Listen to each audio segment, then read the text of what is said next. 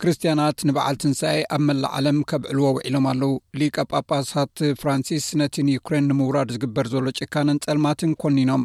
ርእሰ ሊቃነ ጳጳሳት ፍራንሲስ ኣብ ሰይንት ባሲሊካ ቅዳሴ ቅድሚ ምግባሮም ምስ ሓደ ዩክሬናዊ ልኡኽ ብውልቂ ተራኪቦም ነይሮም ንክርስትያናት በዓለ ትንሳኤ የሱስ ድሕሪ ኣብ መስቀል ተሰቒሉ ምማቱ ከም ዝተንስአ ዘመልክት በዓል እዩ ድሕሪ እቲ ንዓመታት ዝፀንሐ ቀይድታት ኮቪድ-19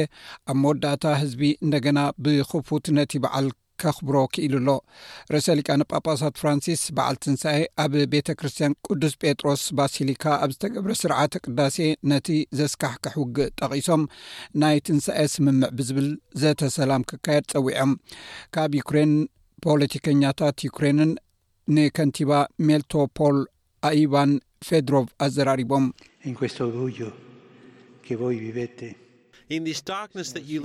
ዝኸበርካ ከንቲባን ኣባላት ፓርላማን ኣብዚ እትነብርሉ ዘለኹም ፀልማት ሎሚ ምሸት ኩላትና ምእንታኹም ንፅሊ ኣሎና ብዙሕ መከራ ስለ ዘሎ ኢና ንፅሊ ዘሎና ጸሎትና ኣጆኹም ጥራይ ኢና ክንብል ንኽእል እቲ ሎሚ ዝበዓል ዘሎ ዓብዪ ነገር ድማ ክነግረኩም እደሊ ክርስቶስ ተንስ እዩ ይኹን እምበር ቫቲካን ሓደ ሩስያውን ሓደ ዩክሬናዊን ብሓባር ናብ ኮለስዮም ክኣት ዝገበረቶ ተግባር ን እተወሰነ ክርክር ኣልዒሉ እዩ። ተሳተፍቲ እቲ ስነ ስርዓት ቅዳሴ ኣብቲ ፍጻሜ ተኻፊሎም እዮም። እንተኾነ ግን እቲ በዅሪ ቃል ዕርቂ ዝብል ቃል ስለ ዘጠቓልል እቲ ዝጸሓፍዎ ተቐባልነት ኣይረኸበን። ሊቀ ጳጳስ ከምኡውን ኣምባሳደር ዩክሬን ኣብ ቅድስቲ ረይ ነዚ ቃል እዚ ዝተቓወሙ ብምኽንያት እቲ ብወተሃደራት ሩስያ ዝካየድ ዘሎ ጭካነ እዩ። ኣብ ቤተ ክርስትያን ጸጥ ዝበለ ኣስተንትኖ እኳ እንተነበረ ካልኦት ግን ንበዓል ትንሳኤ ተጠቒሞም ንዩክሬን ዘለዎም ደገፍ ንምግላጽ ኣብ ዝተገብረ ሰላማዊ ሰልፍታት ይሳተፉ ነይሮም ኣብ መላእ ጀርመን ብዙሓት ሰባት ኣብቲ ሰልፍታት ተኻፊሎም እዮም ሓርነት ንሶርያን ንዩክሬንን ሓርነት ንሶርያን ንዩክሬንን ናጽነት ንሶርያን ንዩክሬንን ማሕበረሰባት ካቶሊክ ኣብቲ ቅዱስ ሰሙን ተባሂሉ ዝፍለጥ ስነ ስርዓት ፅምብል መብዛሕትኡ ግዜ ሰልፍታት ይገብሩ እዮም ገለ ካብኡ ነቲ የሱስ ኣብ እተሰቕለሉ እዋን እተፈፀመ ተኸታታሊ ፍፃሜታት ብምጥቃስ ዘርኢ ምርኢታት እዩ ኣብ ሜክሲኮ እትነብር ኣንጀሊካ ላራ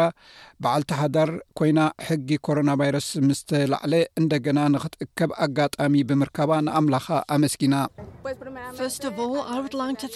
ቅድም ቀዳድም ብዛዕባ እዚ ውክልና እዚ መሰኻኽር ኮይንና ስለ ዘሎና ንኣምላኽ ከመስግኖ ደሊ ስለቲ ለበዳ ንዕኡ ምምስጋን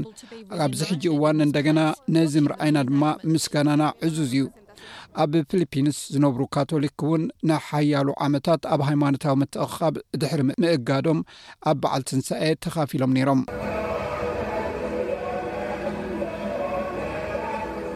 ኣብ ኤስያ ብብዝሒ ሰዓብቲ